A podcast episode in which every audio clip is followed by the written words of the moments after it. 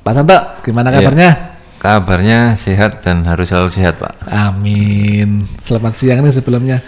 Ya. Hari ini kita akan meneruskan pembahasan kita eh, yang lalu bahwa nafsa itu akan memblok telinga pecandunya, memblok visual pecandunya untuk menerima sesuatu yang bersifat positif. Konkretnya, seorang pecandu sulit dinasehatin. Nah ini Iya. gimana nih Pak Santo nih? Apakah kita perlu bor untuk menasihati mereka itu karena telinganya bumpet atau gimana nih Pak Santo? Iya, lagi-lagi ini eh, harus cerita pengalaman.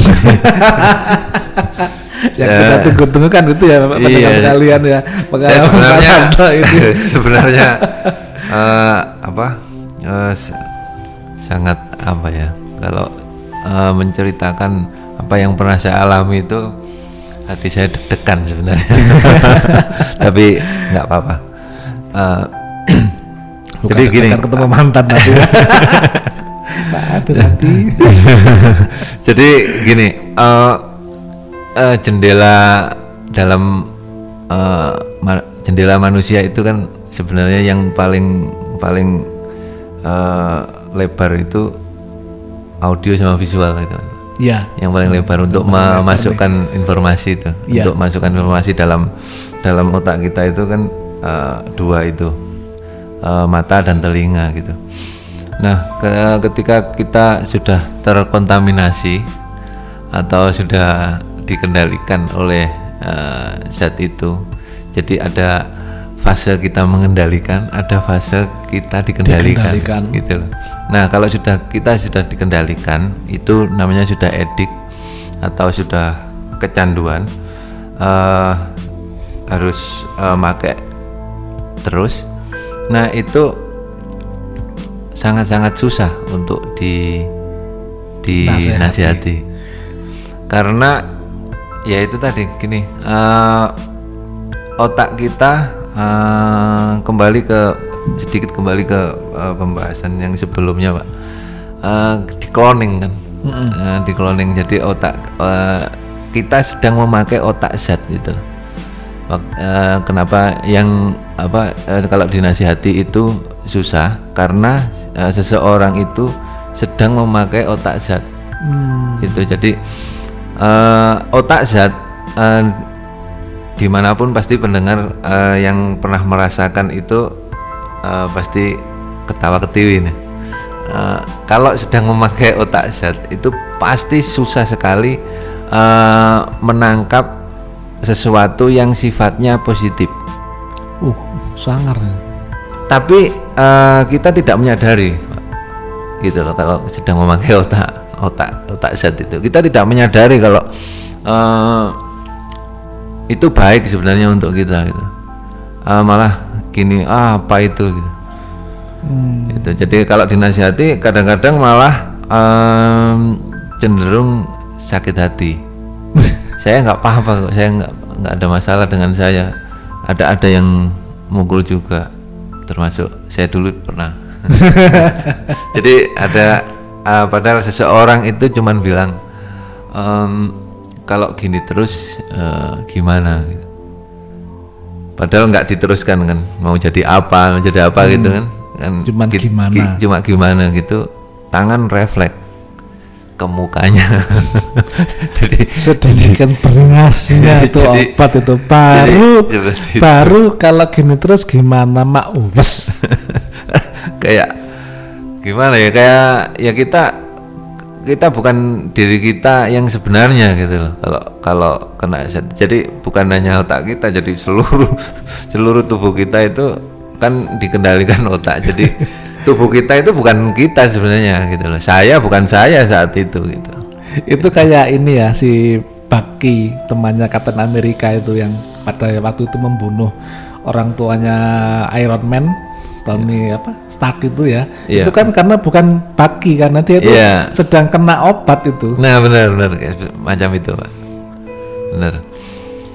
Jadi eh, karena pecandu itu sudah sudah kita ngom- ngomongin yang eh, pecandu ya sudah sudah lumayan sudah parah lah Eh, jadi hampir hampir tiap hari mengkonsumsi itu sangat sangat susah untuk untuk menerima hal-hal yang sifatnya untuk kebaikan dia sendiri sebenarnya.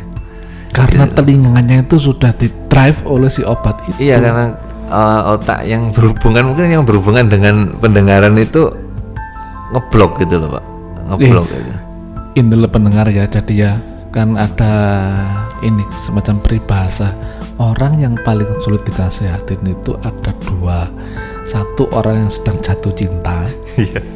yang kedua orang yang sedang ngobat ini bener nyata ini Susah.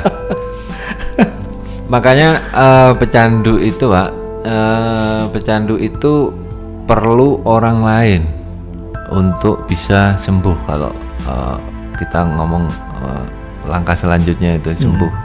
Perlu orang lain karena dirinya sendiri sudah sudah bukan dirinya sendiri kok. sudah bukan dia sendiri itu ya. Jadi harus ada orang lain gitu loh untuk untuk apa eh, biar dia lepas gitu. Biar kita misalkan eh, saya lepas dari suatu zat saya butuh orang lain. Karena pada dasarnya eh, manusia itu kan makhluk sosial. Betul. Jadi masih membutuhkan orang lain. Nah ketika kena zat kita jadi antisosial. Jadi eh, nggak ma- eh, jadi sama komunitas itu aja. Jadi kom- komunitas pemakai itu aja. Nggak mau ada orang lain istilahnya yang yang eh, nggak make masuk ke komunitas komunitas itu. Jadi rasanya nggak enak. Eh, suasananya jadi beda gitu loh. Apalagi kalau eh, mengkonsumsi heroin. Sabu pun sekarang juga seperti itu sih eh, katanya. Jadi komunitasnya ya itu itu aja. Di samping nggak mau nambah orang itu di samping sudah nyaman eh, kedua ya takut nanti ketangkep pak kalau ada orang lain. Partner in crime. PIC dulu pernah kita bahas. Jadi pendengar sekalian Anda sekarang bisa memahami ya kenapa Kapten Amerika begitu ngotot ini eh, untuk membantu si Bucky untuk lepas dari masa lalunya meskipun dia harus dihajar oleh Iron Man sampai sebelah tangannya diambil itu karena dia driven by drugs saat itu saat saat, Iya.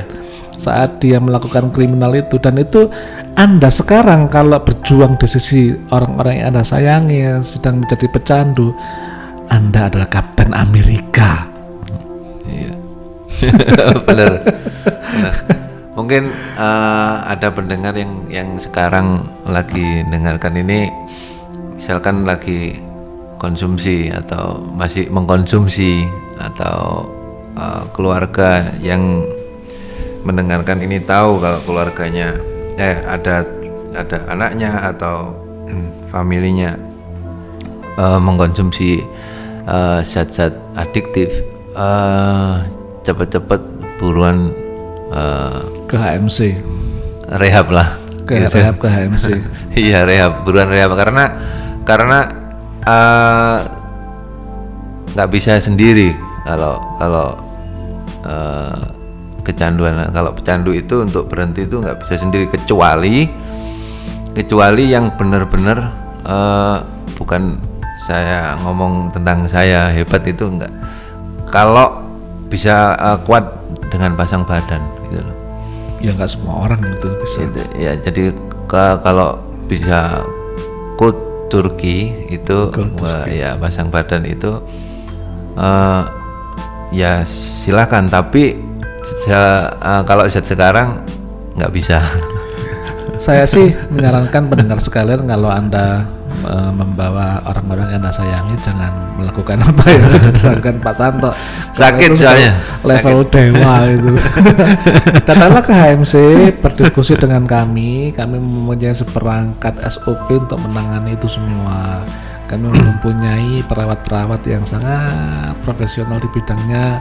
Konselor kami Pak Santo siap untuk berdiskusi baik dengan anda se- sebagai keluarga sebagai individu sebagai ayah sebagai seorang kakak yang untuk mendampingi orang-orang yang anda sayangi itu Ya. Terima kasih pendengar sekalian atas atensinya. Kita akan melanjutkan lagi di pertemuan yang selanjutnya. Wassalamualaikum warahmatullahi wabarakatuh.